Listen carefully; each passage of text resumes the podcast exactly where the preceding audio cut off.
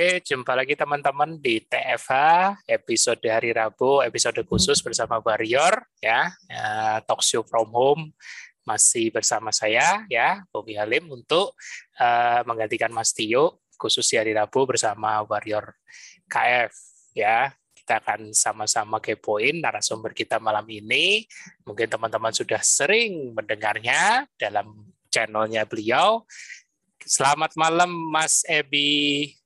Ya, malam Mas Bobi. Weh, ini pasti pasti sudah banyak yang dinanti. Mas Epi, uh, Mas Epi kan sudah berKF uh, lumayan lama ya. Kalau nggak salah tiga dua tahun atau tiga tahun ya? Mau masuk tiga tahun nanti September. Masuk September nah, ini tiga tahun ya, berarti hampir ya, hampir hampir hmm. hampir genap tiga Yeah. Nah, ini eh, seperti biasa tema kita di Teva Nakes eh, apa? Oh Nakes.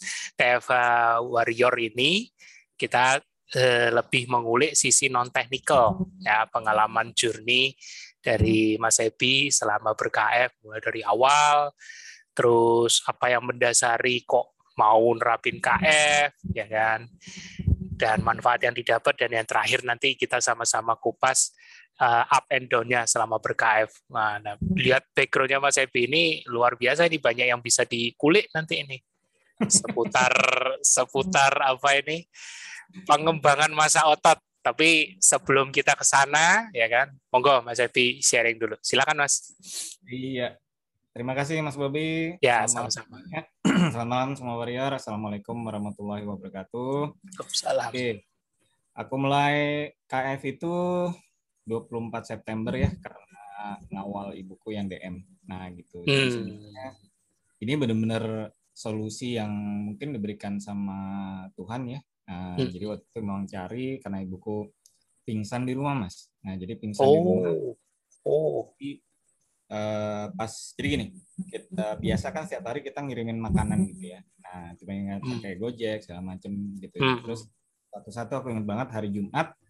Uh, terus driver Gojeknya balik. Nah dia bilang uh, bukan balik, uh, dia kontak Mas ini nggak uh, ada yang terima gitu kan. Nah hmm. aku banget bahwa kalau ibuku keluar tuh pasti ngomong gitu kan. Nah pas segala macam oke terus kita ke sana. Aku bareng anakku yang kecil terus cek ke sana nyampe di rumah ketok-ketok gak ada suara gitu kan? Wah hmm. ke mana segala macam nah hampir pada saat kita mau keluar anakku yang kecil bilang eh ada ada suaranya hati nih di dalam di dalam. Nah, dia denger duluan jadi bukan aku yang denger. Oh. nah, di dalam ada pintu samping nah ada ruang tengahnya. Nah di situ kita longok longok nah kelihatan ibuku udah terungkup di di tengah di ruang makan lah gitu. Aduh. nah jadi okay. waktu itu panik panik banget segala macem bayangin semua eh, kaca di teralis untungnya ada satu yang belum nggak di teralis jadi waktu itu langsung cari gunting potong uh, benar-benar nggak bisa berdiri jadi langsung dilarikan di GD pas di GD dicek hmm. susternya segala macam habis itu susternya nanya e, pak ini ibunya uh, sakit DM ya gitu hmm. waduh saya nggak tahu dong kalau almarhum bapak saya sih iya gitu karena gula oh. darahnya 400 Hah, oh 400? malah belum tahu waktu itu ya baru tahunya setelah di IGD ya, ya. Nah, hmm. Kalau almarhum uh, ayahku memang DM uh, gitu ya. Dan ya. Jadi waktu itu uh, wafatnya uh, singkat ceritanya karena hipo sebenarnya hipoglikemik. Nah jadi masalah perdeman ini sebenarnya aku cukup paham lah gitu ya. Hmm. Nah tapi untuk ibuku nih memang baru tahu pada saat itu gitu kan. Nah singkat cerita adalah uh, aku ada teman satu lagi ya. Aku ada teman uh, dokter, dokter Saraf, dokter Ziki, hmm. teman dokter Eka juga Nah itu pada saat lagi di RS segala macam aku minta second opinion lah ya second hmm. opinion. Nah kalau beliau bilang karena dia beliau dokter saraf suruh cek CT scan ya CT scan segala macam. Nah, hmm. kemudian di rumah sakit CT scan kesimpulannya hampir uh, mini stroke gitu. Jadi, Oke. Okay. Nah, mini stroke uh, dan untungnya jatuhnya ke depan. Nah jadi kan hmm. biasa orang tua biasanya uh, stroke jatuh ke belakang ya. Nah, ya. makanya biasanya banyak orang yang tidak selamat orang tua itu karena jatuhnya ke belakang. Nah, termasuk hmm. almarhum uh, ayah saya. Nah, itu juga wafatnya karena jatuhnya ke belakang stroke. Nah, ini alhamdulillah okay. Jatuhnya ke depan. Nah, singkat cerita lima hari di rumah sakit, uh, sempat fatal dua harian, ya tapi alhamdulillah hari ketiga keempat normal. Nah, PR-nya kan setelah itu tuh mas. Nah, hmm. PR-nya setelah itu adalah gimana mengembalikan gulanya. Nah, hmm. nah itu uh, perjalanan yang menurutku luar biasa. Kenapa? Karena setiap waktu itu setiap cek rumah sakit, sekarang gulanya tuh 200 terus mas, 250, nah, pernah 280 gitu ya dan nafsu makannya setelah dari rumah sakit itu malah gila-gilaan mas ibu hmm. nah, kayak apa ya uh, kayak orang bingung gitu ya, mau diapain ganti beras merah ganti hmm. ganti gandum nah kan kita udah tahu sendiri sekarang ternyata yeah. itu kan sama yeah. juga kan juga yeah. gitu kan iya yeah. yeah. aku nggak ngerti kan gitu ya hmm. jadi ini adalah oh, oh ganti ini ganti ini ganti ini supaya uh, apa supaya turun tapi nggak turun-turun gitu nah, gitu nah jadi udah berjalan kejadian yang Desember, berjalan Januari, Februari, Maret sampai Lebaran juga lewat. Kemudian, nah itu periode setelah Lebaran pada saat itu adalah eh, kalau nggak salah bulan Agustus itu BPJS ngeluarin aturan rumah sakit rujukannya harus berubah. Nah lupa aku pokoknya. Jadi rumah sakit yang biasanya kami periksa ibu di sana, nah itu pindah. Jadi harus nggak nggak boleh di situ lagi. Nggak boleh langsung ke situ. Ah, Padahal yang di situ aja itu kami udah antre dari jam 5 subuh nah, gitu. Kalau ini lebih jauh lagi, waduh udah tambah pusing nih. Gitu kan. Nah, lagi pada saat lagi pusing kayak gitu, nah aku sebenarnya adalah tadinya nyari uh, gini. Nah ini sebenarnya agak unik nih MKF-nya. Hmm. Jadi di saat lagi nyari solusi buat itu yang juga uh, kebingungan solusinya gimana. Nah, aku sendiri memang lagi uh, nyari apa ya? Lagi karena aku kan gemuk ya nah tapi kan mikirnya hmm. adalah kurus. Nah pengen kurusnya adalah mikirnya kan ngejim nah hmm. hmm. sebenarnya adalah aku tuh lagi browsing uh, apa ya pokoknya untuk ngejim lah biar kurus segala macam nah ketemu uh, eh, KF ini gitu. Kenapa? Pada saat ketemu KF ini agak lucu nih. Pas lihat kok ini kok orang-orang keto pada pada ngejim kenapa ya? Aku lupa deh. Waktu itu ada yang sharing siapa? Ada Mas Firman juga aku inget ya. Oh oke. okay. Nah terus ini ini ya gitu kan. Nah, tadi aku masuk dari situ jadi aku masuk dari kafe di situ. Nah setelah masuk ke dalam lihat lagi kan. Eh kok ada DM nih? Testimoni DM apa nih? Nah gitu kan. Hmm. pelajarin segala macam. Oh ternyata gini segala macam. Udah semua aku protokol aku uh, pelajarin semua segala macam. Nah kemudian ya udah aku cuma solusi apa uh, kesimpulanku cuma satu ya udah ini benar-benar solusi untuk orang yang punya DM ya karena memang solusinya stop karbo kan gitu. Kalau secara logika aja sebenarnya dulunya sebenarnya sudah sudah paham. Harusnya kan uh, karbo minim. Tapi kan kita nggak ngerti ada keton ada zat lain yang bisa menggantikan si uh, karbo ini kan gitu. Hmm, hmm, jadi setelah uh, belajar pelajarin protokol segala macam ya udah gitu. Jadi waktu itu aku bilang sama ibuku udah sekarang kita mulai keto. Nah jadi kan aku harus nemenin kan.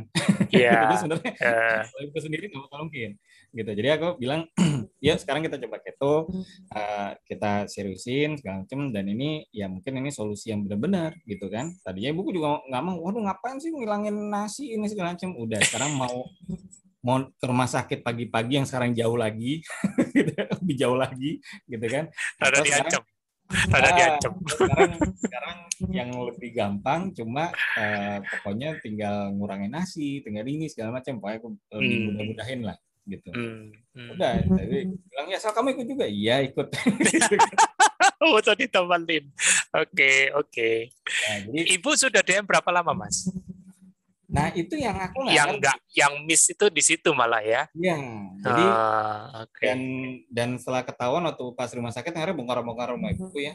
Hmm. Jadi ke, ke Gap itu ibuku punya apa uh, kopi saset yang diet-diet itu. Hmm. Gambreng mas. Nah itu kayaknya Bianca Rocker di situ.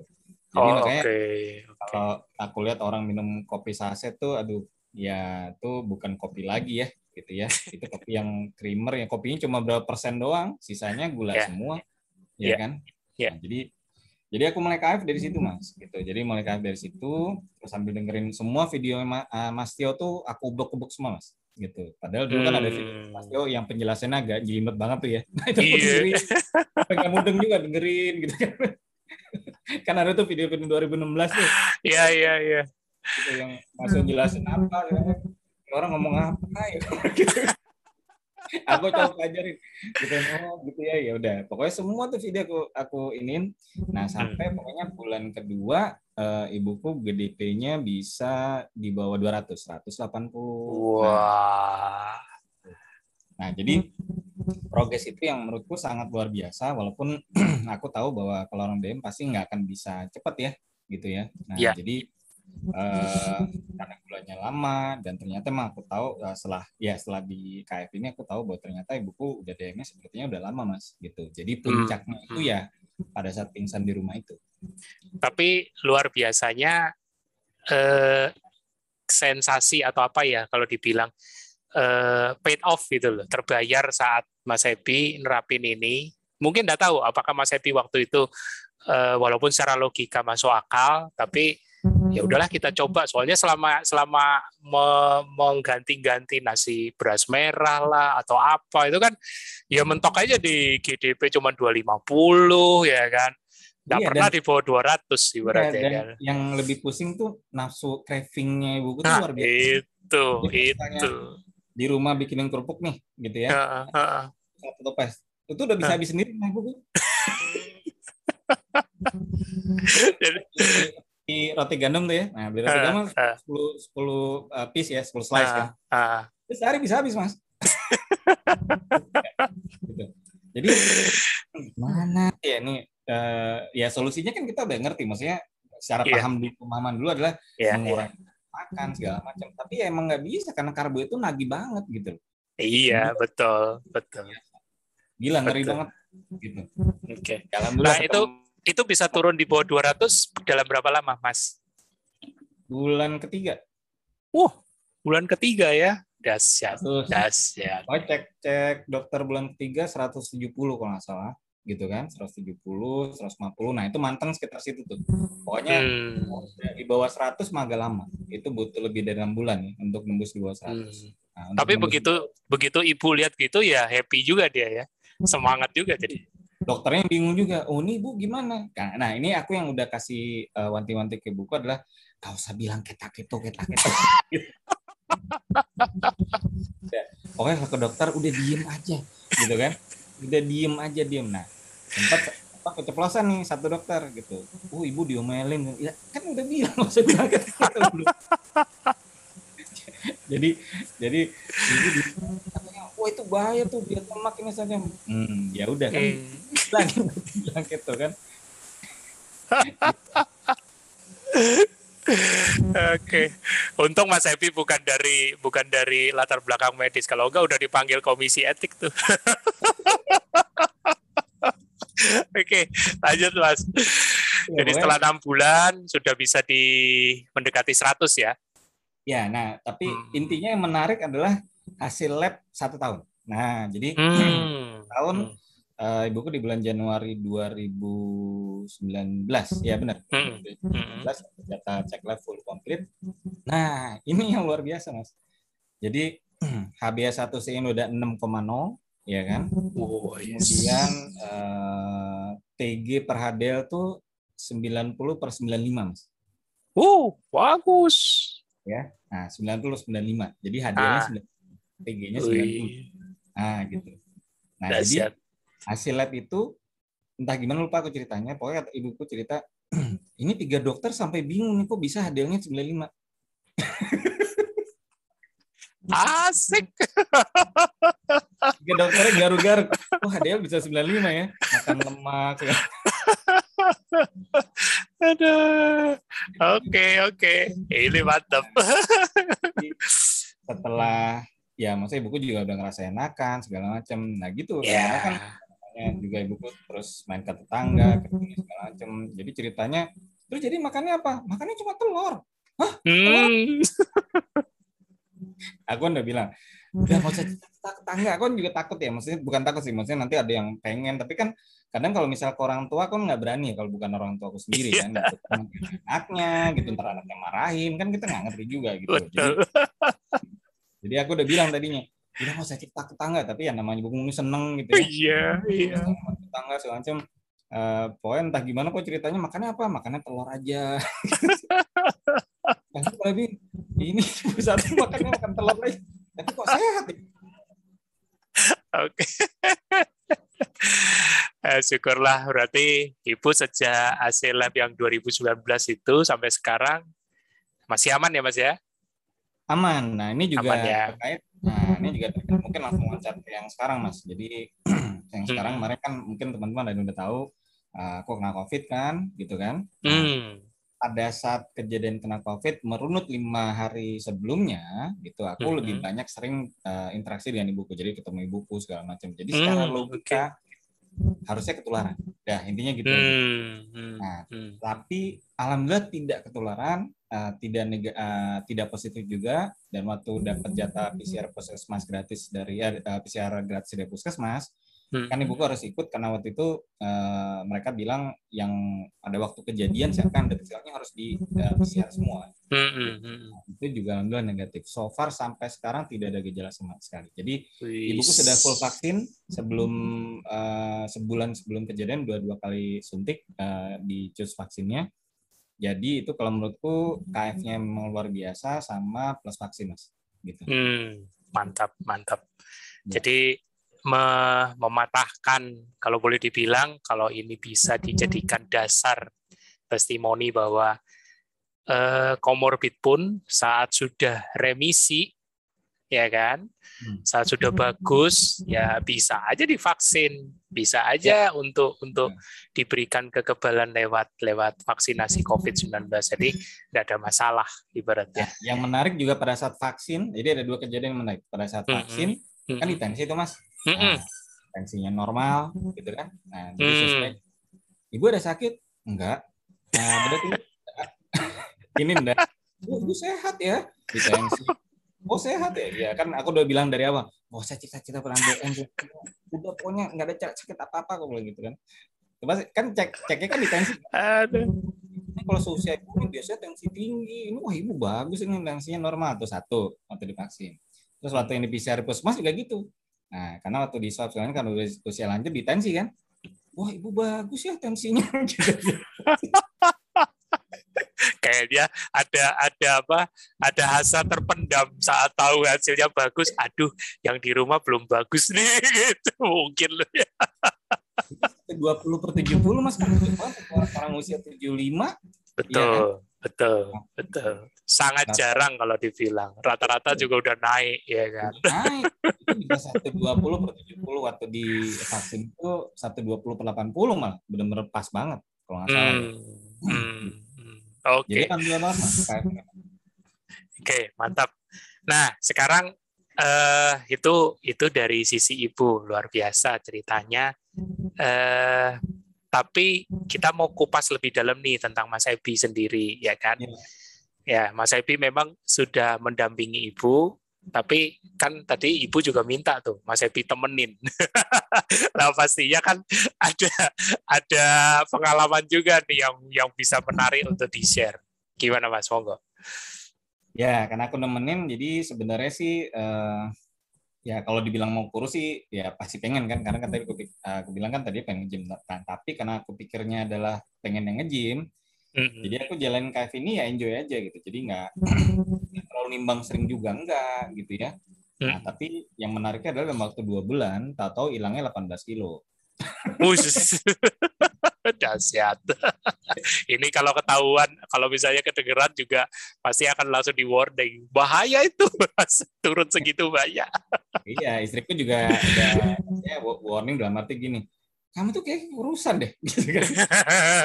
Baju ini segala macam udah kendor semua, baju yang sempit-sempit kok masuk semua, gitu. Jadi eh, perjalanan pada saat menuju dua bulan itu juga sebenarnya ya nggak terlalu ya karena aku lebih di concern di ibu ya gitu ya jadi aku sendiri nggak terlalu apa uh, diriku sendiri nggak terlalu aku uh, cek ban tapi aku ngerasa emang turun-turun segala macam aku ngerasa gitu. nah tapi begitu turunnya 18 kilo gitu ya ada something yang gila ini berat dari dari 80 ke 62 ini berat SMA hmm. itu yang nggak bisa dipungkiri. Iya. SMA. Nah, jadi wah ini luar biasa ya gitu ya. Hmm. Tapi uh, masih seneng lah. hmm. gitu wah udah ini berarti 62 nih segala macam gitu kan nah hmm. Hmm.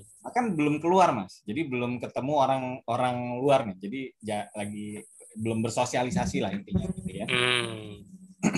Desember itu kemudian uh, aku keluarlah ketemu teman-teman ada suatu komunitas ada teman lama juga segala macam nah di situ baru semuanya kaget mas hmm. lu kenapa lu? Turunnya. Amat ya. Lu ngobat deh bang kok nanyanya kayak gini ya gue gitu ya. dia, dia pikir bercanda. Tapi ditanya serius lagi. Eh serius lu ngobat lu? Ngobat apa kagak nggak ngobat. Lihat aja bilang gitu kan. Kayak nggak percaya. Nah, ramai itu mas gitu jadi ramai ini semuanya ada yang komen ya pokoknya macam-macam lah gitu kan ya aku bilang sih ya lah dia keto-keto gitu kan gitu. Oke oke oke. Setelah ketemu teman-teman lama segala macam yang mereka kaget dan kemudian mereka ngelihat aku kecekingan gitu dan karena kan hmm. gini ya kadang kalau misalnya kita ngelihat belum lihat foto sendiri atau lihat badan sendiri kan mungkin kita akan ngelihat sehari-hari kan kita kalau ngelihat dilihat sama orang lain kan pendapat orang lain itulah yang eh, apa ya karena mereka jarang melihat kan gitu loh. Hmm, hmm, hmm. Nah di situlah saat mereka lihat aku ceking soalnya kan benar-benar pada saat itu aku lihat iya cekingnya. Kayaknya mesti lihat dulu nih. Tadi Mas Ebi sudah share foto nih ya. Hmm. Nah tuh bisa kebayang nah, tuh. Ini foto di gap sama Mbak Nila nih. gap sama Mbak Nila. Thank you. Ini di LC mas. Ini foto oh. di jadi ILC dari aku mulai turun 62 tuh nggak nggak nggak naik nggak turun ya 62 aja terus ya gini terus nih. Hmm, hmm, hmm. Gitu. Jadi itu yang berat 80 lah. Itu berat 80 udah ya kalau dibilang penyakit ya aku sih tidak ngalamin ada gejala yang uh, apa uh, krusial ya gitu ya. Hmm, hmm, hmm. Sok, sok sehat lah. sehat. ada Bukan. kalau dicek lab, kalau dicek lab juga hancur itu. ya intinya berasa nggak nyaman lah kondisi waktu itu ya kan tahu ya kan ya kalau sekarang nggak nyaman nggak nyaman lah perutnya udah ke mana-mana kayak gitu nyaman gimana hmm, gitu ya. hmm, hmm. oke okay lanjut lanjut nah jadi dari ILC nah di ILC ini ketemu sama Mbak Sari hmm. Teman pertama kali sama Mbak Sari ya kan? okay. kenalan okay. Manila juga gitu kan? Thank you Manila di foto nih ada, ada bukti kalau enggak enggak ada bukti. Tapi tapi yang yang ceking kayak gini eh, 18 kilo ini ya dari 80 kilo menjadi yeah. 62 dua bulan yeah. ya kan? Tapi kalau mau tahu uh, lihat sekarang no kayak gini nih. Nah, ya. ini, uh, nah tapi ini tidak ya. instan ya. tapi ini tidak instan nah tuh mungkin yang jadi kenapa kalau ditanya sama teman-teman kok serius banget sih ngejimnya ya uh, kalau aku nggak mau dibilang ceking intinya sih itu. Pelampiasan, penolakan penolakan untuk dibilang ceking. iya, ya karena ya gini, aku aku nggak tahu ya mas ya. Jadi maksudnya kan gini, kan tiap orang punya standar beda-beda gitu ya. Jadi yes. punya standar, yes. punya uh, apa? Yang ngelihat badannya gimana sih? Oh, udah cukup segini. Oh ya udah gitu. Tapi pada saat aku, hmm. aku bilang bahwa aku ngeliat badanku memang kelihatan ceking terus habis itu ketemu orang dilihat dibilang ngobat lah sakit lah memang ceking banget gitu jadi aku uh, menolak untuk bilang ceking nah iya karena karena ada semangat menolak itu makanya melakukanlah ya kan melakukan proses menambah masa otot lewat nge-gym ya kan dan nah. ini ini paid off aku bilang paid off tapi yeah. teman-teman mesti lihat tuh, mesti lihat KF 2 tahun plus nge-gym satu tahun. Nah, tuh. Ya, jadi setahun setahunnya ya kan belum nge-gym ya, gitu ya. Iya. Yeah. Uh, belum nge-gym intensif lah. Kalau dibilang nge-gym dulu nge-gym ngawur pernah lah, tapi nggak pernah intensif. Uh, ya dibilang ya biasa lah, gitu-gitu aja, gitu kan. Nggak pernah hmm. serius. Ya hmm. gimana mau serius? Nggak ada ininya, gitu kan. nggak ada yang hmm. mandu, nggak ada ini segala macam gitu. Hmm. Nah jadi ini menurutku ya waktu itu karena waktu itu juga nanya ke Mas kan ya latihan beban ya kan maksudnya pasti jawabnya gitu kan simple latihan beban kan. Nah, jadi habis diomong gitu kan garu-garu kita kan nah iya. latihan beban ya oke ya udah berarti ngecim ya oke lah berarti kembali ke tujuan awal nah jadi balik lagi mas jadi waktu itu aku hmm. melihat adalah tujuan awalku waktu ketemu KF karena ngelihat uh, pengen ngejim gitu kan hmm. ya udah berarti oke lah seriusin lah gitu kan nah, hmm. jadi aku mulai ngejim awal Juni 2019 Nah, setelah lebaran. Hmm, hmm. Nah, persis hmm. setelah lebaran. Jadi setelah lebaran aku sign up uh, di gym uh, mega gym di Jakarta ini gitu kan. Hmm. Nah, jadi seriusin gitu loh. Gimana hmm. seriusin? Oke, okay. dan memang paid off ya. Dua tahun, ya, ya. nge-gym satu tahun. Nah, ini masih nge-gym sampai sekarang. Tapi Nah, ini yang ini yang mungkin sedikit ini. Ini kan berotot 66 kilo, ya kan?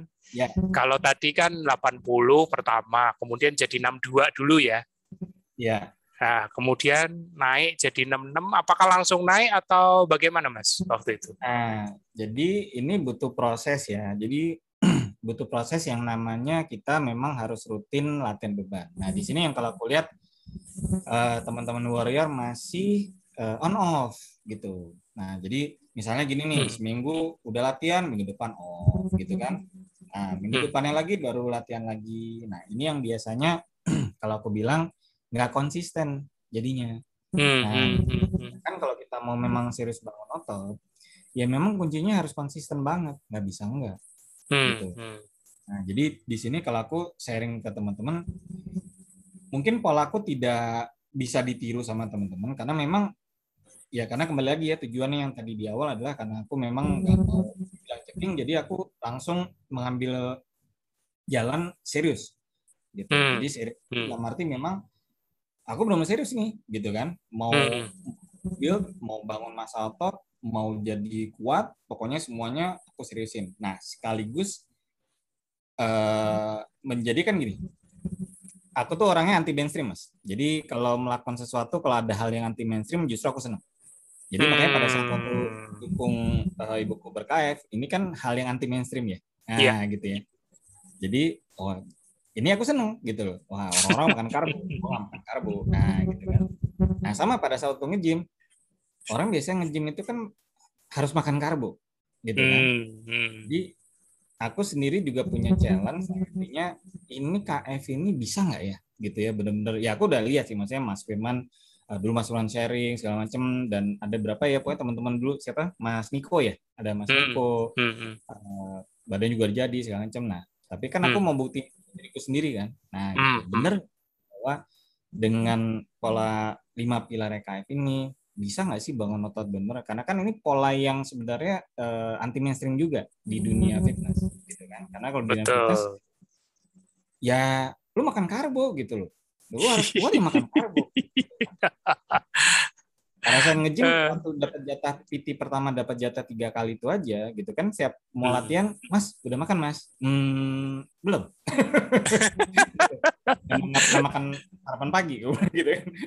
Oh uh, hati-hati mas nanti uh, bahaya. Enggak nggak apa-apa udah tenang aja jadi itunya sendiri waktu itu itu tiga kali sesi itu juga dia bingung gitu kan. Ini nggak nggak makan kok kuat gitu kan kok nggak hmm. nggak laparan segala macem gitu kan hmm. ya waktu itu kalau nggak salah uh, sesinya pagi lah gitu nah singkat cerita adalah ya dari Juni itu aku seriusin bener-bener gitu kan hmm. dan seriusin ini dalam arti bener-bener men, me, apa ya hmm, mempelajari hal baru dalam hal bangun otot di kondisi yang ketosis nah gitu. hmm. nah karena setelah aku lihat di luar negeri dan sebagainya ya memang bisa gitu loh Nah, tinggal hmm, sekarang hmm, hmm. caranya memang harus seriusin.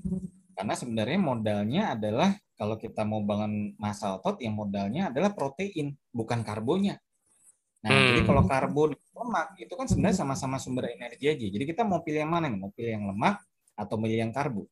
Nah, hmm. gitu. Kalau mereka yang pada umumnya orang-orang nge-gym di fitness itu, mereka memilih jalur karbo, ya nggak masalah. Hmm. Itu kan mainstream. Iya. mainstream. Nah, gitu. Jadi yang anti mainstream ini aku seriusin gitu jadi aku bener-bener tanda kutip ngulik bener-bener emang gimana caranya bisa bangun otot ini di kondisi yang ketosis dan terutama fastosis, fasting on ketosis. Hmm, mantap.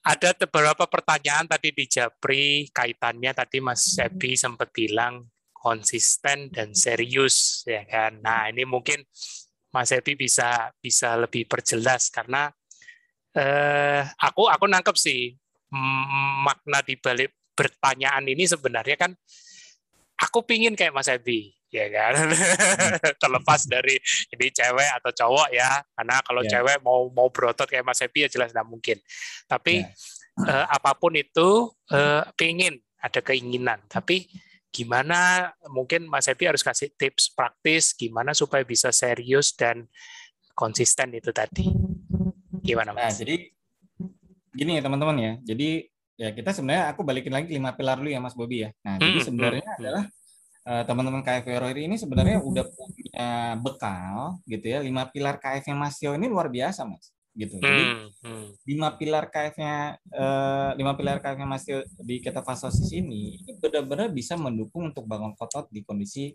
uh, fasting on ketosis Nah, kita telah satu-satu aja dulu ya. Nah, mungkin aku loncat-loncat dikit deh.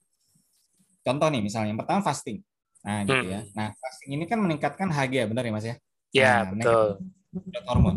Nah, jadi orang yang ngejim, uh, oh gini, bukan orang ngejim ya, orang yang uh, mau build muscle, ya, ada ada sebenarnya empat hormon yang sangat pengaruh ya kalau mau naikin massa otot. Yang pertama adalah insulin, yang kedua adalah uh, eh, IGF-1, insulin growth factor 1, terus yang dua ini nggak usah kita bahas ya, nah, di, uh, Mas Budi udah bahas lah. Nah, kita bahas ada yang dua lagi terakhir, yaitu yang pertama adalah growth hormone, yang terakhir adalah testosteron. Ya, nah sekarang kita bahas yang growth hormone dulu. Nah, dengan kita udah fasting, kita bisa punya growth hormone yang katanya bahkan bisa sampai ribuan, gitu ya, nah, ribuan persen. Nah, ya. jadi teman-teman yang sudah biasa fasting itu sebenarnya sudah punya bahan untuk bisa menaikkan atau uh, menaikkan massa otot, gitu. Hmm. Hmm. Nah, di luar sana sekarang Mas Budi nih banyak orang-orang karbo yang sengaja IF sekarang untuk naikin HGH. Nah, gitu. hmm. gitu. Jadi mereka nih sekarang banyak bodybuilder yang belajar IF nih sekarang nih. Nah, yes. cuma hanya nguber untuk pengen naikin growth hormonnya. Nah, oh. karena di studi udah banyak di luar negeri di situ. Nah, okay. padahal kalau orang karbo lakuin IF kan kayaknya tersiksa harusnya ya. gitu ya. tenaganya tenaga lemah. Nah, jadi kalau dibalikin balik lagi ke lima pilar KF dari sisi fasting sebenarnya teman-teman warrior ini KF warrior terutamanya adalah udah punya bahan yang sangat penting dalam arti adalah growth hormonnya pasti tinggi. Hmm. Oke, ini satu ya, oke dari fasting.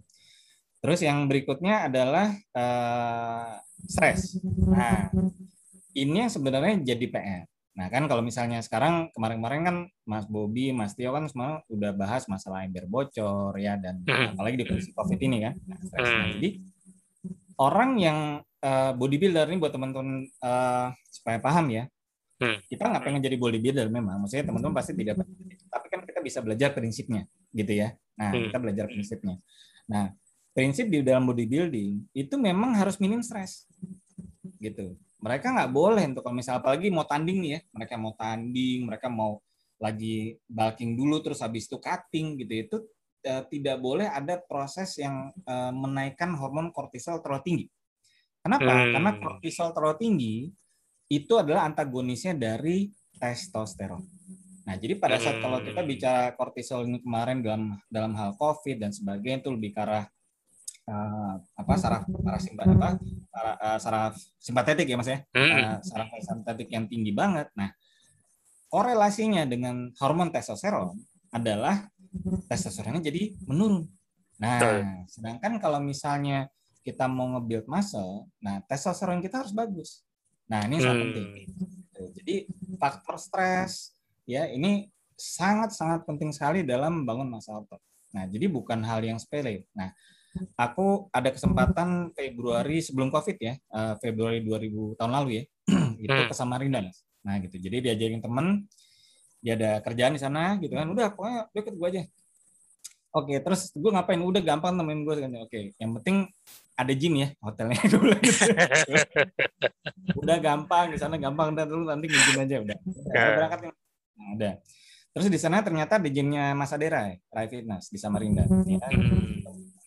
Hmm. di Samarinda ada Mas Eni, ada uh, Mbak Damayanti ya, hmm. dan ada beberapa orang lainnya ya. Uh, aku sempat balik papan juga, ada ketemu beberapa warrior, tapi saya nggak bisa ketemu budok kita, gitu kan. Nah di Samarinda, aku ketemu waktu ke fitnessnya Mas Adera ini, ketemu pitinya Mas, gitu. Jadi hmm. ketemu pitinya namanya Bang Edi atau Bang Edi ngobrol-ngobrol. Nah, tadinya kan pada saat lagi mau fitness kan masih pakai baju lengkap ya. Nah, ya. terus begitu buka gitu ya, terus aku latihan dia ngeliatin aja dari belakang.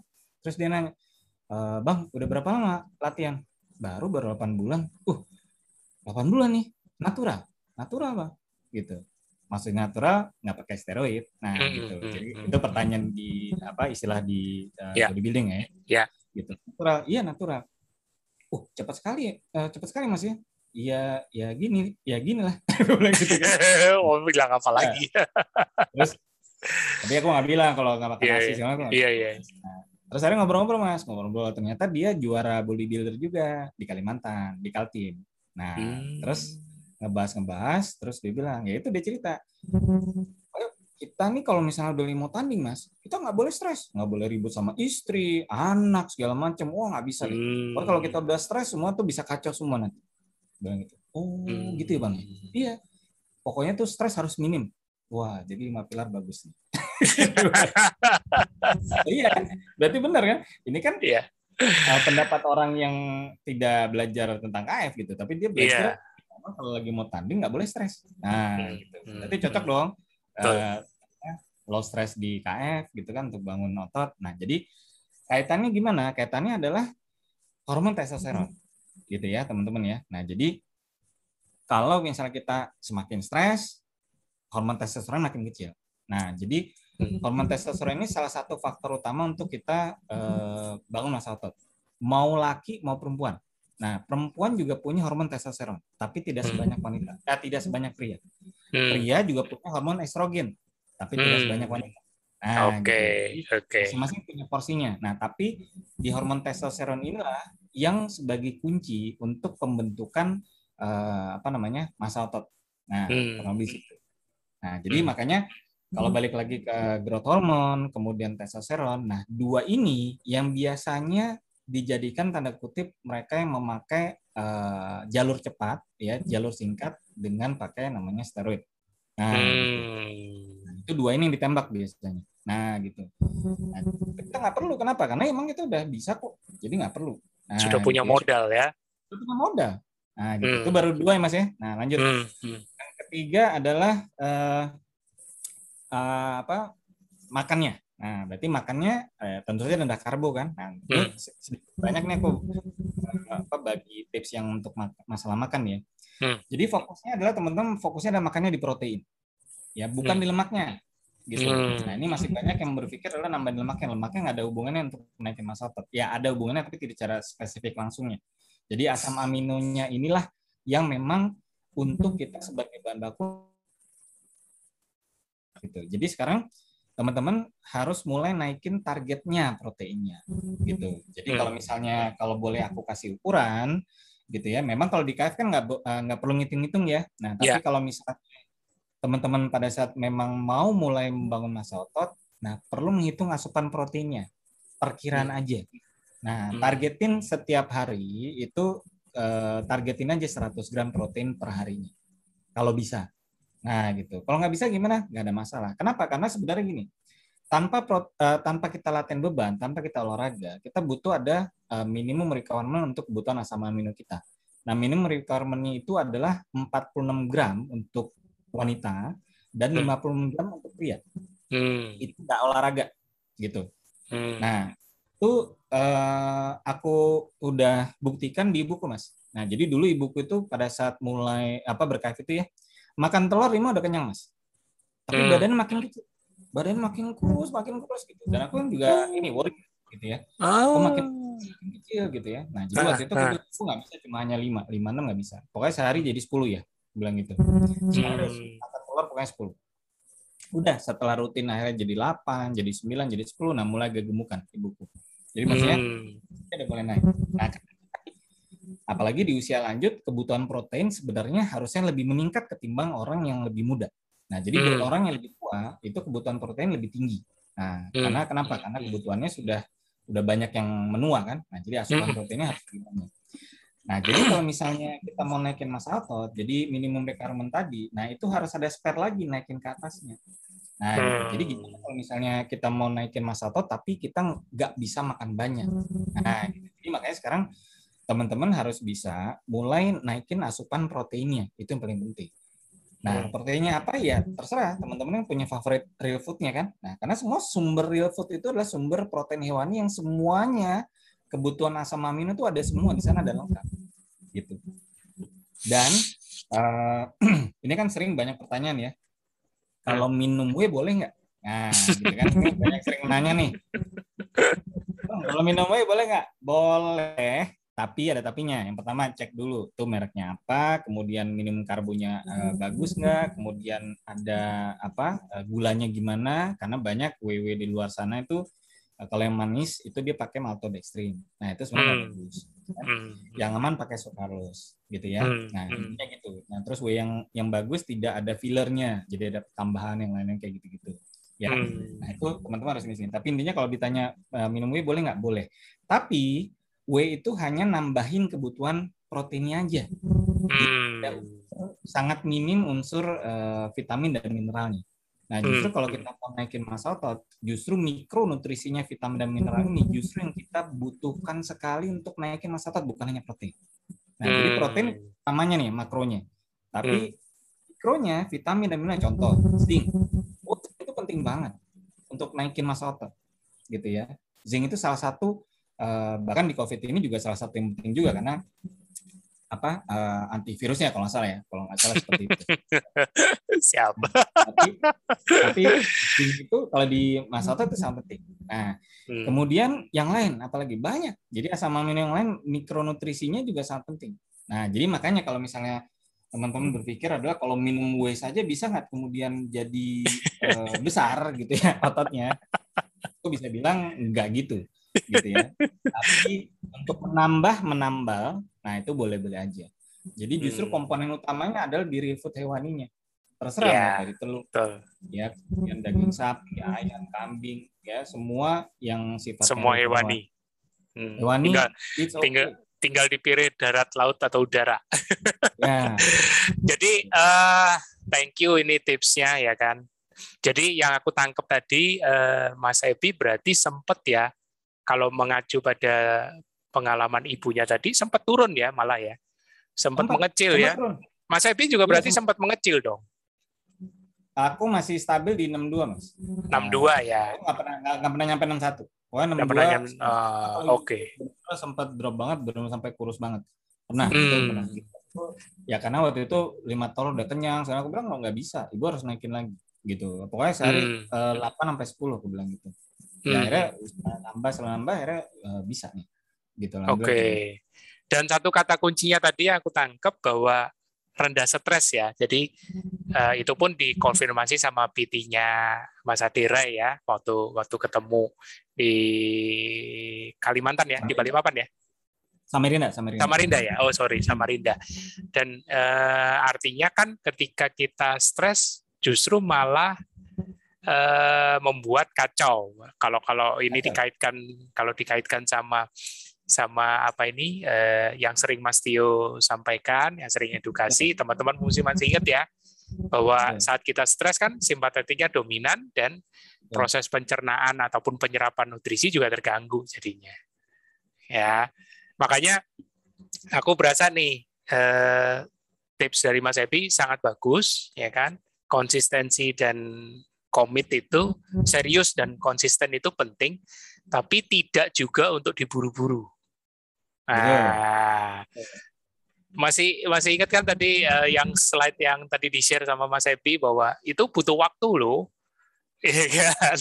itu untuk ukuran Mas Epi yang iya ukuran Mas Epi yang sudah serius dan konsisten aja butuh segitu, apalagi yang ya aku ndak bilang itu ndak serius tapi yang hmm. tidak seserius Mas Epi serius sih pingin juga tapi kan kan tiap orang punya kompleksitas masing-masing, apalagi punya ke kelola stresornya masing-masing ya. Ya, jadi uh. jangan pernah membypass seperti tadi Mas Ebi juga cerita. Oh, minum whey protein aja biar cepet dah, biar cepet nambah. Tidak semudah itu. juga. Cuma nambah protein aja karena semua semua whey whey powder itu tergantung produsennya Mas. Dia ngisi yeah. kemudian isi yang lain itu semua produsennya beda-beda. Nah, gitu. Jadi kita nggak bisa lihat dan itu cuma hanya proteinnya aja. Mikronutrisinya sangat dikit. Bisa aja yeah, dicek yeah. aja di Iya, iya betul, betul banget. Karena itu memang sifatnya whey itu kan protein cepat serap, membantu iya, cepat serap, membantu di saat uh, proses misalnya pencernaan atau penyerapan nutrisi kita lagi lagi keganggu karena tinggi stres misalnya gitu ya kan. Oh, nah, tapi kalau misalnya kan teman-teman bisa kelola stresnya bagus ya tidak perlu sebenarnya. Tapi sekali lagi kan nah. tidak dilarang, boleh. Nah, itu Mas ada hubungannya lagi Mas dengan fenomena nah. ember bocor Mas. Nah, nah iya. itu dengan vitamin D. Nah, vitamin D itu juga sangat pengaruh ke testosteron. Betul, nah, betul. Kalau ember bocornya masih besar, hmm. vitamin D terganggu, testosteronnya juga terganggu. Nah, betul. gitu. Betul banget. Jadi itu, itu semua terkoneksi semua gitu ya. ke ujungnya dengan testosteron. Jadi hormon stresnya juga terganggu ke testosteron gitu kan karena kortisol tinggi, testosteron ya. makin turun. Ember yeah. bocornya makin gede dengan stresornya tinggi, vitamin D turun, gitu mau dihajar dengan suplemen tapi embernya bocornya besar banget dari stresor yang besar, ya testosteron juga turun juga. Nah, Keren. Gitu. Nah, ini uh, share lagi dari Mas Ebi tentang hasil bangun otot fasosis satu tahun lebih ya di KF ya. Tuh yeah. bisa kelihatan tuh. Nah, jadi mungkin ini aku jelasin ke teman-teman ya. Jadi ini hmm. uh, aku mulai 4 Juni nge-gym ya. Nah, 2019 hmm. hmm. hmm. akhir 23 Maret 2021 gitu ya. Nah, hmm. jadi kalau dari sisi BB, nah jadi ini teman-teman mesti pahamin ya. Nah, mungkin mungkin dari pertanyaan ini cek kayak gini di mana? Nah, ini yang susah jawabnya. Karena memang ini hanya ada biasa di tempat gym dan sekarang ada di, di beberapa dokter eh, apa dokter diet atau dokter dokter ya, apa ya cantik kan ada. Nah, sekarang mereka hmm. punya nih wanita hmm. seperti ini. Gitu ya.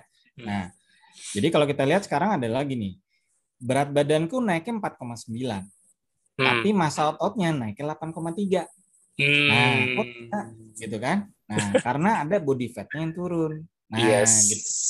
Nah, jadi Makanya pada saat teman-teman uh, mulai latihan beban gitu ya, bagi yang teman-teman body fatnya masih ada gitu ya, masih lumayan banyak, nah itu akan bisa menurunkan body fat memang. Kenapa? Karena dengan kita latihan beban, kita akan menaikkan namanya metabolisme. Nah ini kalau lihat metabolisme ada yang di bawah ya, itu adalah yang BMR ya, dilihat BMR ya, di bawah yang di bawah BMR. Nah, jadi yang di awal sebelum aku nge-gym, aku metaboliknya cuma hanya 1300-an. Hmm. Ya. Hmm. Nah, pada saat masa ototku sudah banyak, sudah naik hmm. 8 kilo lebih, ya uh, BMR pun naik jadi 1600-an. Hmm. Nah, ini yang membuat metabolisme kita semakin cepat. Nah, jadi yes. memiliki masa otot yang makin banyak itu membuat metabolisme di tubuh kita itu tuh makin bagus. Nah, itu yang paling penting.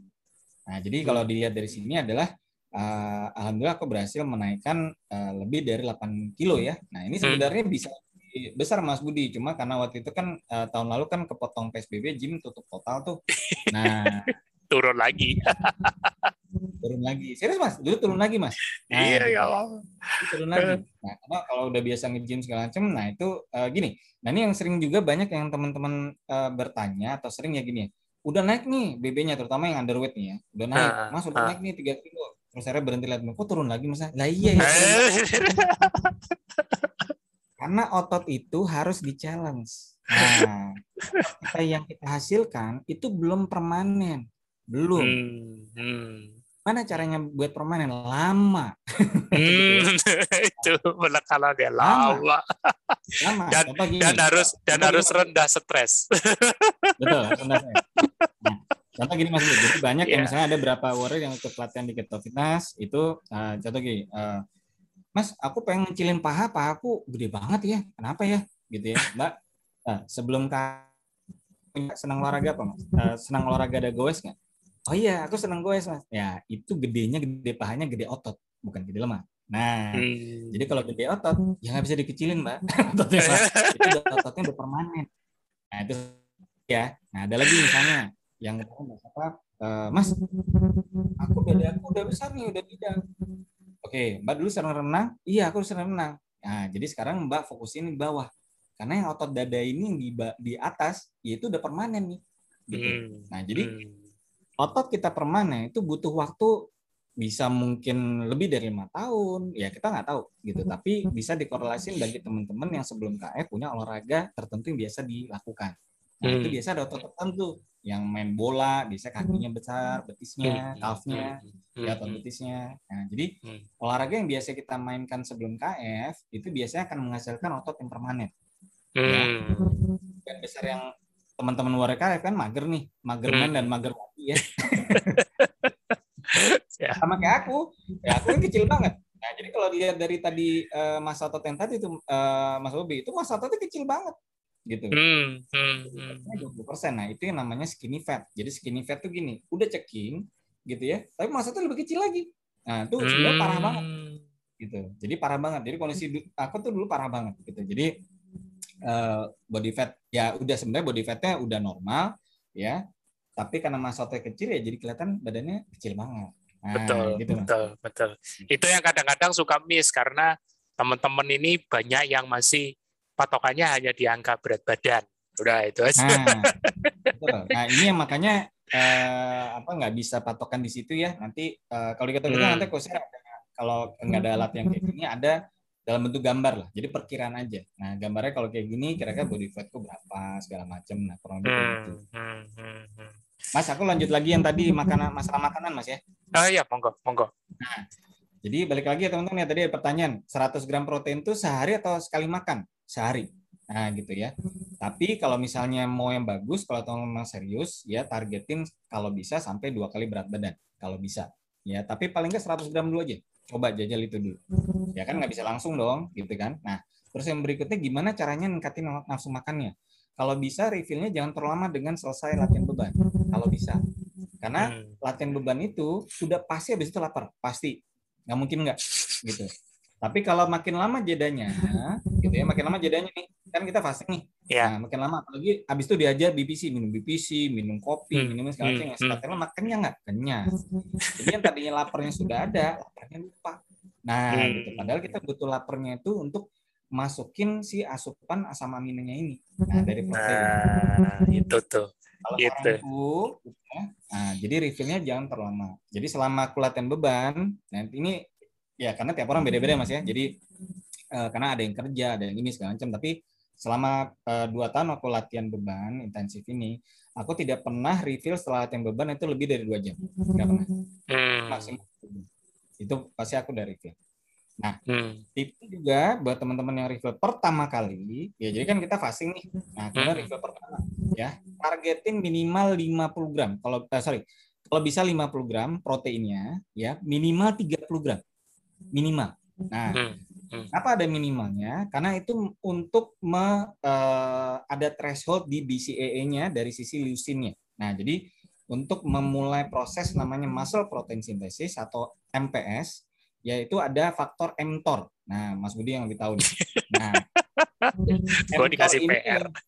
Nah, mTOR ini yang untuk memulai proses muscle protein sintesisnya. Nah, hmm. jadi kalau bisa refillnya itu proteinnya Nah, untuk memenuhi standar minimum leucinnya. Jadi kan uh, di asam amino ada komponen utama yang sangat penting itu adalah namanya leucin. Nah, leucin itu yang memulai proses MPS-nya.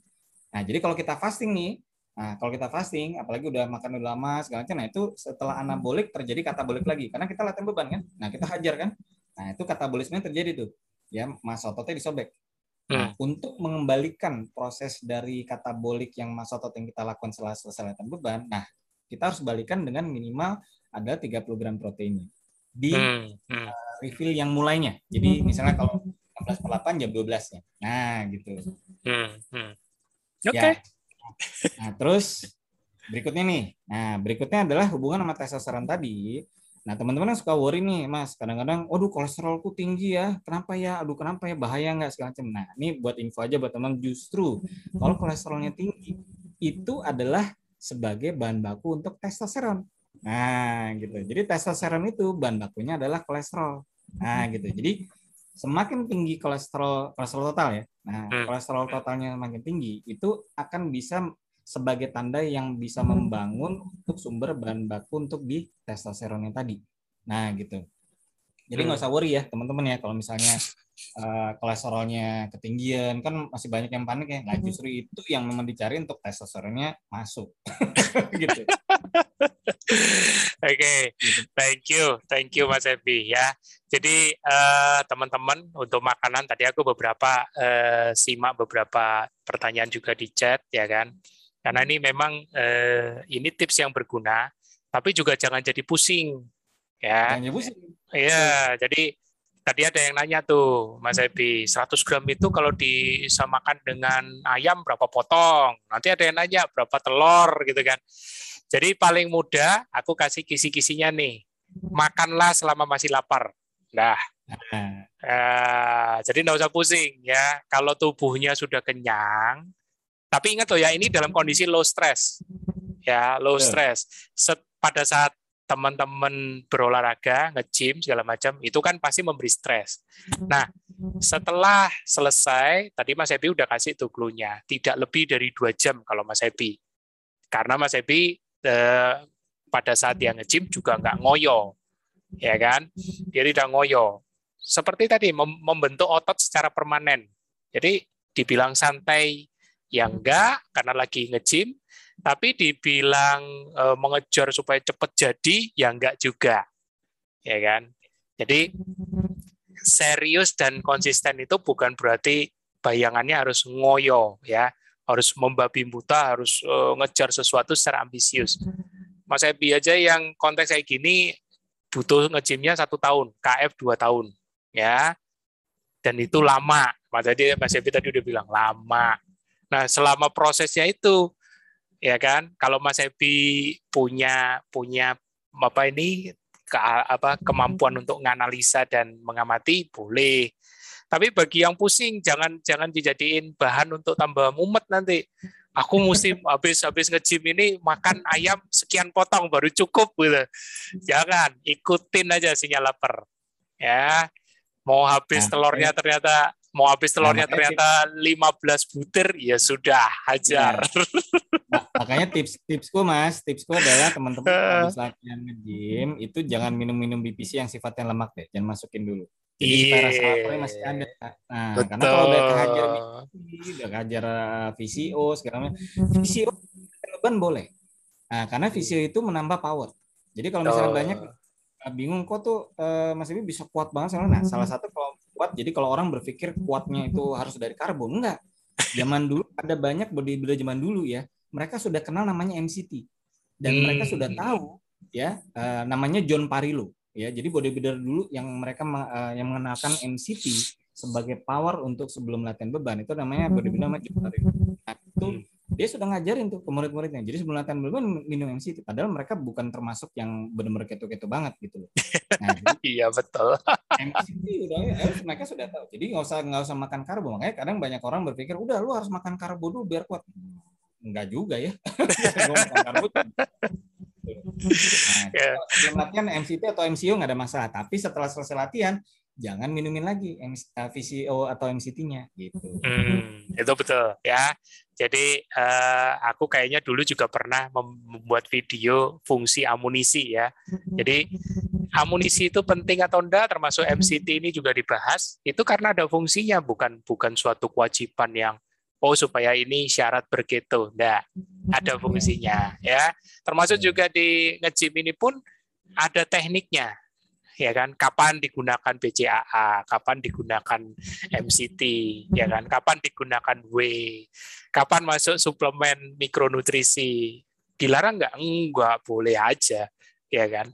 Tapi asal siap dananya, Mas. Kenapa? Asal siap dananya. Asal, asal siap, siap dananya, Mas.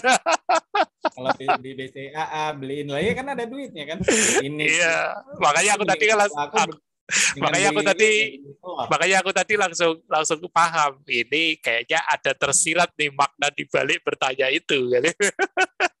karena ingin instan.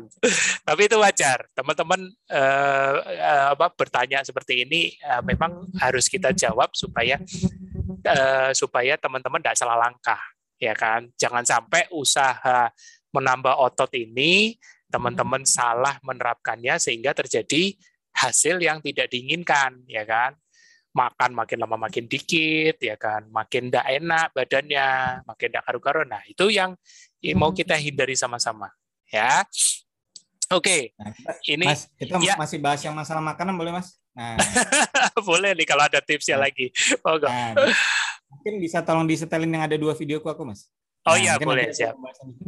Nah ini ada uh, video pertama ya teman-teman ya. Jadi Aku tahun lalu ikut tanding. Nah, teman-teman bisa lihat dulu. Eh, sorry, sorry. Sebentar. Soundnya aku lupa share. Nah, jadi ini ada dua video ya teman-teman ya. Jadi selain membangun masa otot, aku juga konsentrasi di powerlifting. Ya, jadi kalau powerlifting itu eh, ngangkat beban yang paling kuat. Nah, ini namanya eh, pertandingannya tahun lalu itu namanya Static Monster 2020. Nah, jadi ada dua hmm. gerakan yang ditandingkan uh, apa namanya? Uh, log press sama axle deadlift namanya. Nah, ini total total beratku angkatannya 150 kg ya. Hmm. Nah, ini hmm. eh sorry, total berat angkatan 190 ya. Nah, 190 hmm. nah. nah, ini yang satu. Nah, terus yang satu lagi, Mas. Oke. Okay. Ini Oke. Sebentar.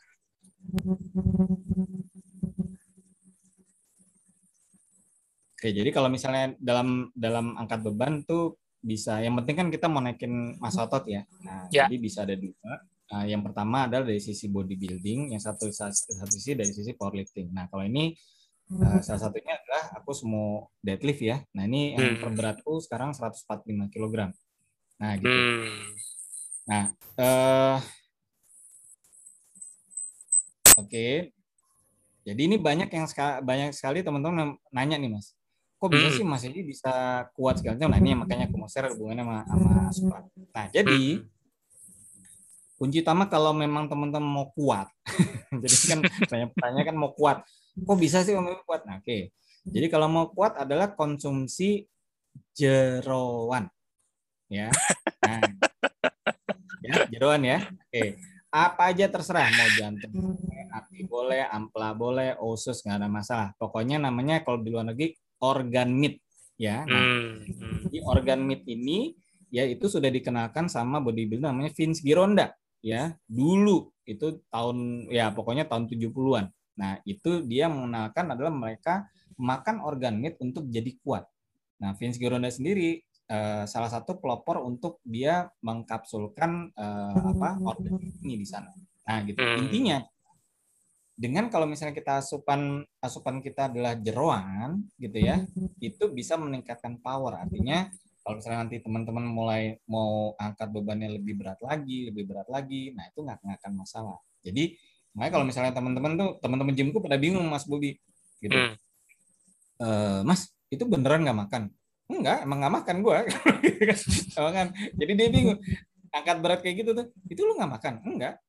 Emang perut kosong itu itu waktu itu yang uh, semua deadlift itu 145 gram uh, masih fasting 19 19 jam lah hmm. gitu kan hmm. nah jadi ini sedikit masukan ya teman-teman jadi kalau mau belajar mau lebih kuat segala macam dari sisi angkatan gitu ya mau ini uh, ya itu asupan uh, jeroannya lebih banyak nah gitu.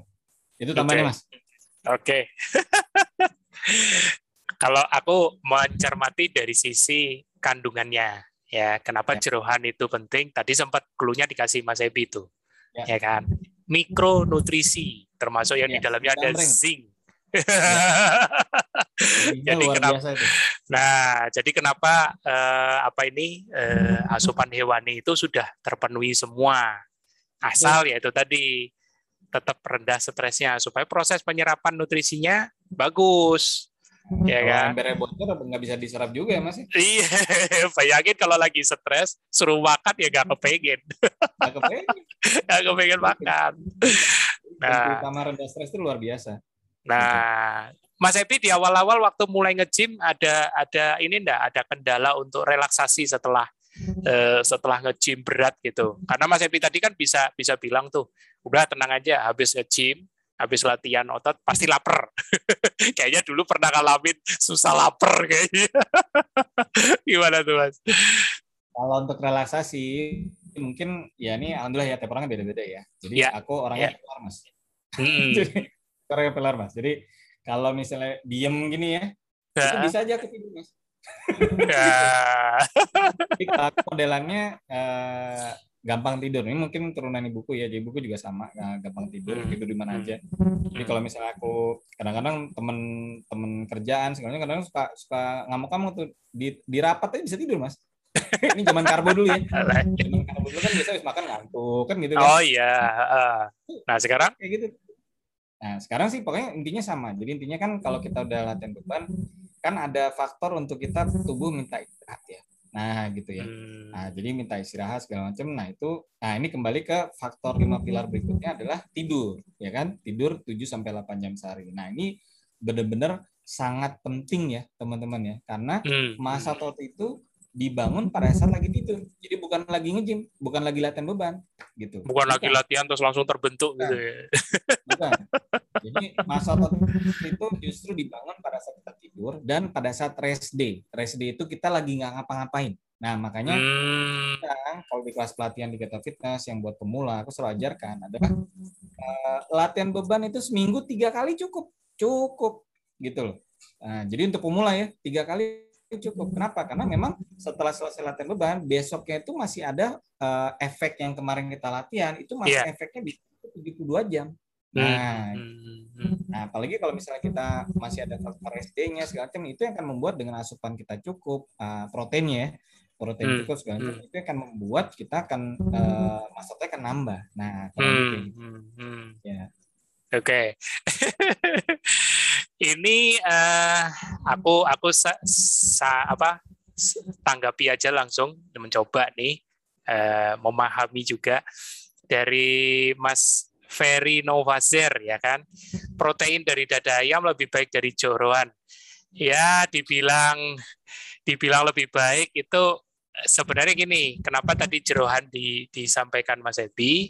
Karena sudah included dengan uh, mikronutrisinya itu ya. Kalau misalnya mau digabung makan dada ayam sekaligus jeroan, kalau memang suka ya boleh, berarti kan lengkap. Tapi intinya kalau misalnya nggak bisa makan jeroan mau pakai suplemen zinc juga boleh. intinya tidak ini ya kan. Uh, terus kebanyakan makan jeroan asam uratnya langsung kambuh ya sudah berarti uh, ini masalah sumber, masalah pilihan cara mau pakai suplemen tidak masalah ya kan seperti tadi Mas Evi bilang asal dananya cukup gitu ada Mas, ya, aku ya. yang tadi dada ayam. Jadi gini, uh, okay. dada ayam ya, uh, dada ayam itu hanya proteinnya yang tinggi. Ya, hmm. Ya, tapi kalau hmm. kandungan hmm. yang lainnya itu nggak terlalu tinggi. Jadi memang itu dia, dia. di proteinnya. Jadi hmm. satu 100 gram dada ayam itu kurang lebih sekitar 30 gram proteinnya. Nah, ya kalau dengan jumlah yang sama, gramas yang sama ya, nah, hmm. yang sama, misalnya ati, hmm. ati ayam atau ati sapi, 100 gram ati sapi itu bukan hanya proteinnya yang hampir mirip, tapi ditambah dengan mikronutrisinya yang segambreng. Gitu. Hmm. Ada zinc-nya, ada vitamin B B yang berbagai macam itu. Berba uh, B kompleksnya itu. B kompleksnya sangat beragam yang semuanya itu mendukung banget untuk kita naikin masa otot. Nah, gitu loh. Yes. Nah, jadi Kenapa kenapa sih kalau orang-orang yang nge-gym dada ayam uh, apa jadi favorit, favorit. tanda favorit tanda kutip gitu ya. karena memang itu sebenarnya kalau uh, yang mau mencari adalah protein yang lean nah yeah. jadi protein lemaknya hmm. nah ini tergantung dari bagaimana tipe uh, badan teman-teman semua kalau yang tipenya adalah misalnya tipenya adalah yang uh, tipikalnya uh, sudah underweight. Nah, kalau yang sudah underweight, fokusnya adalah kalorinya harus dinaikin, gitu loh. Jadi harus high kalori. Ya, kalau kita bicara kalori, naikinnya dari mana? Dari lemaknya. Nah, gitu. Jadi kalau orang yang underweight, jangan makannya dada ayam terus, gitu. Karena nggak ada lemaknya. kalorinya kecil banget, nggak bisa naikin massa ototnya. Jadi harus surplus kalorinya. Nah gitu ya. Hmm. Dada ayam bagus untuk orang yang masih punya body fat tinggi.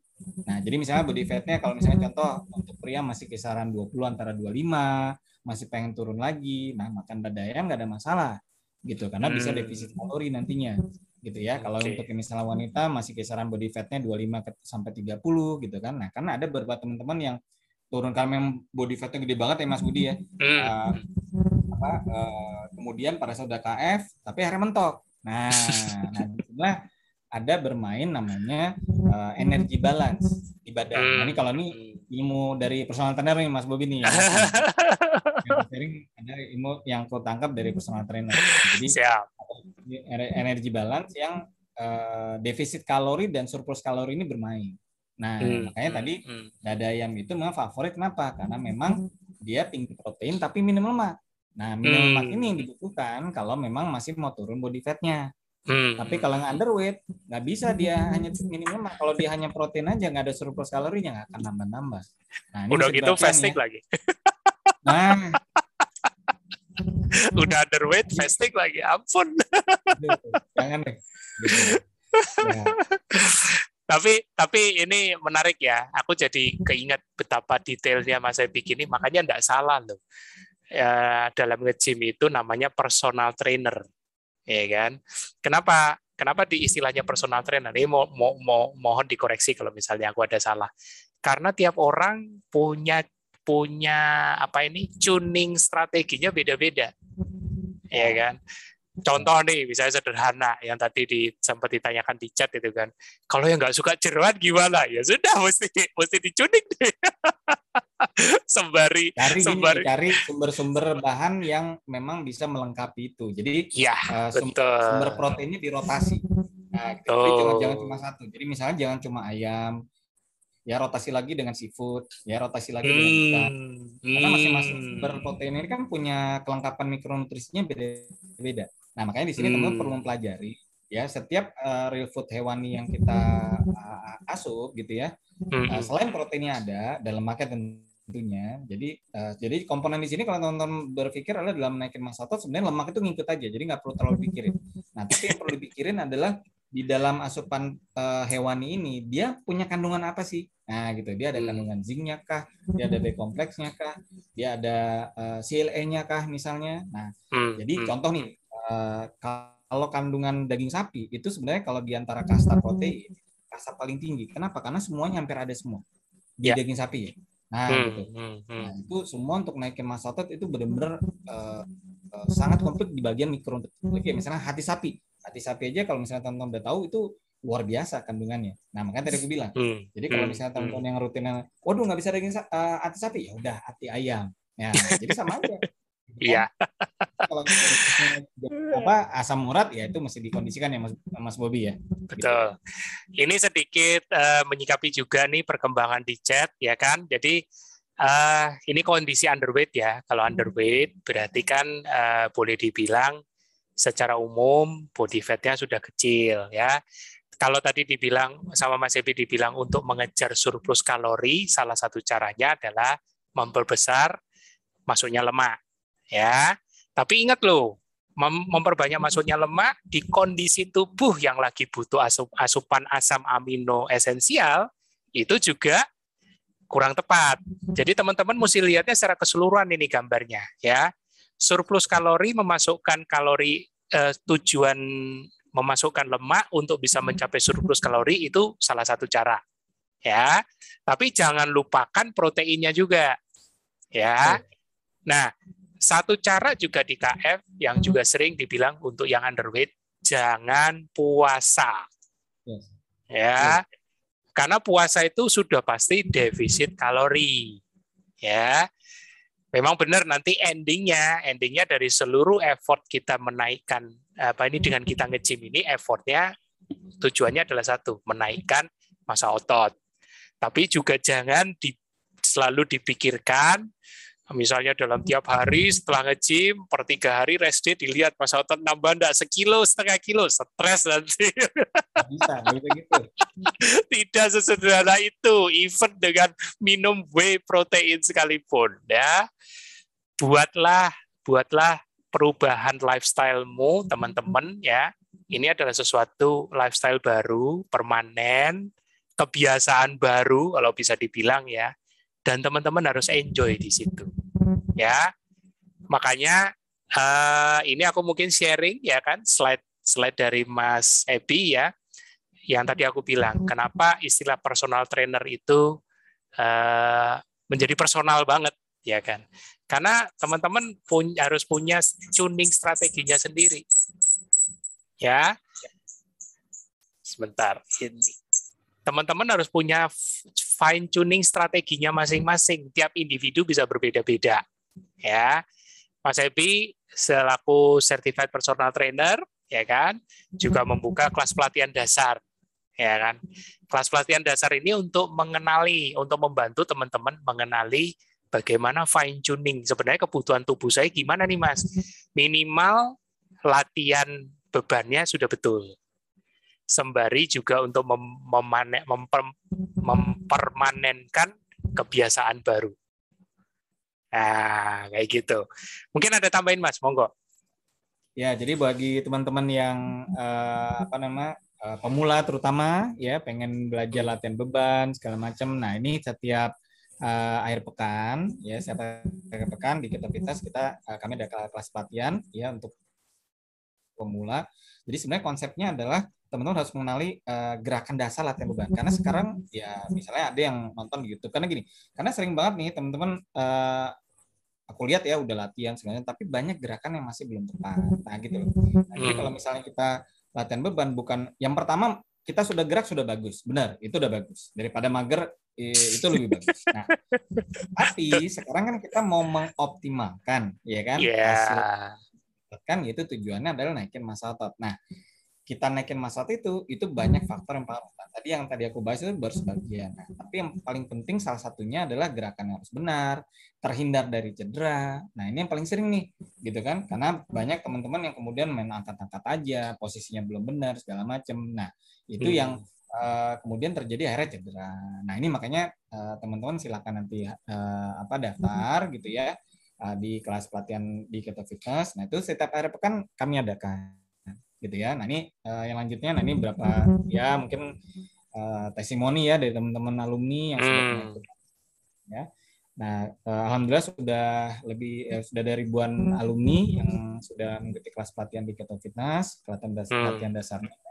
Nah, hmm. jadi ini dan itu nanti bisa ngikut lagi karena gerakan latihan beban ini nggak bisa kita belajar langsung hafal atau sampai langsung benar sampai iya. sekarang pun ya sampai sekarang pun ya teman-teman ya aku pun masih belajar dan masih merevisi serius nih hmm, jadi oh. karena gini karena di sini kita belajar adalah learning by doing jadi kita nggak bisa cuma belajar oh bicep ya bicep cuma gini oh kayaknya gampang dan nggak gitu banyak banyak apa ya kompleksitas yang yang kita masih pelajari. Nah, ini yes. dengan catatan kalau teman-teman memang Nah, gitu. Kurang lebih kayak gitu sih, Mas.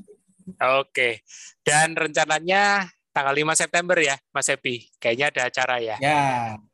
Jadi uh, uh, Ketovitas kan kita udah punya rutin juga podcast ya setiap uh-huh. ya pokoknya seminggu bisa satu kali dua kali. Nah, nanti tanggal 5 September ya Insya Allah uh, nanti Mas Aderai ya akan ngisi juga sharing ya di Mas September itu hari Minggu ya. Nah, Bu, nanti insya Allah juga barengan Mas Tio nih. Nanti uh, kita mau coba bahas apa nih topiknya gitu ya. Nah, jadi nanti teman-teman yang kalau mungkin mau nanya langsung Mas Aderai segala macam.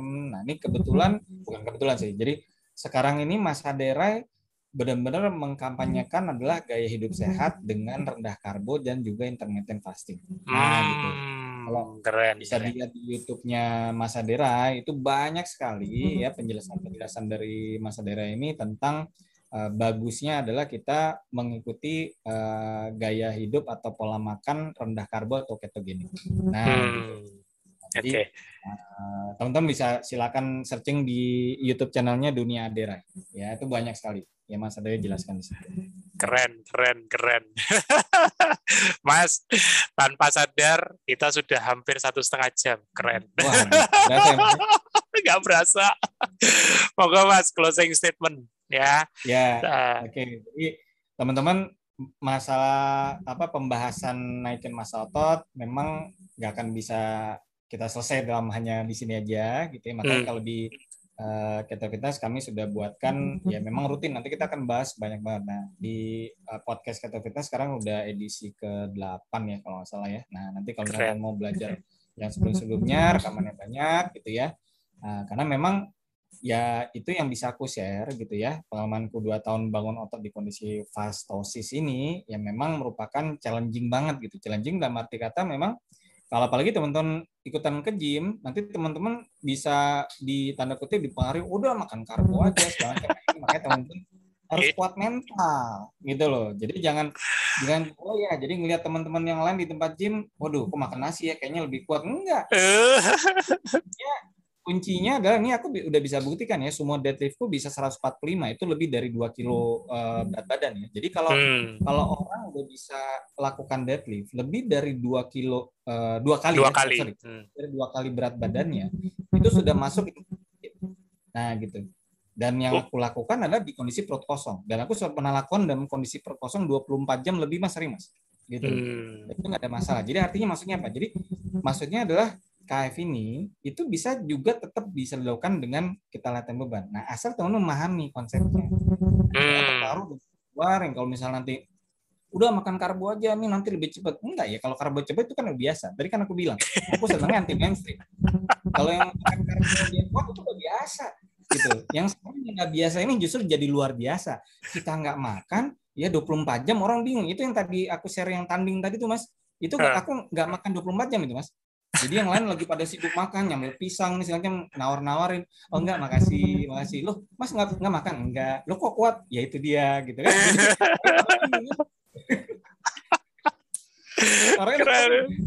Ya, orang keren. gila nih, 24 jam nggak makan, kok bisa angkat-angkat 190 kilo kan gitu. Juara dua lagi. Oke, okay. thank you, ya, thank gitu. you Mas Epi untuk sharingnya yang luar biasa ya kan.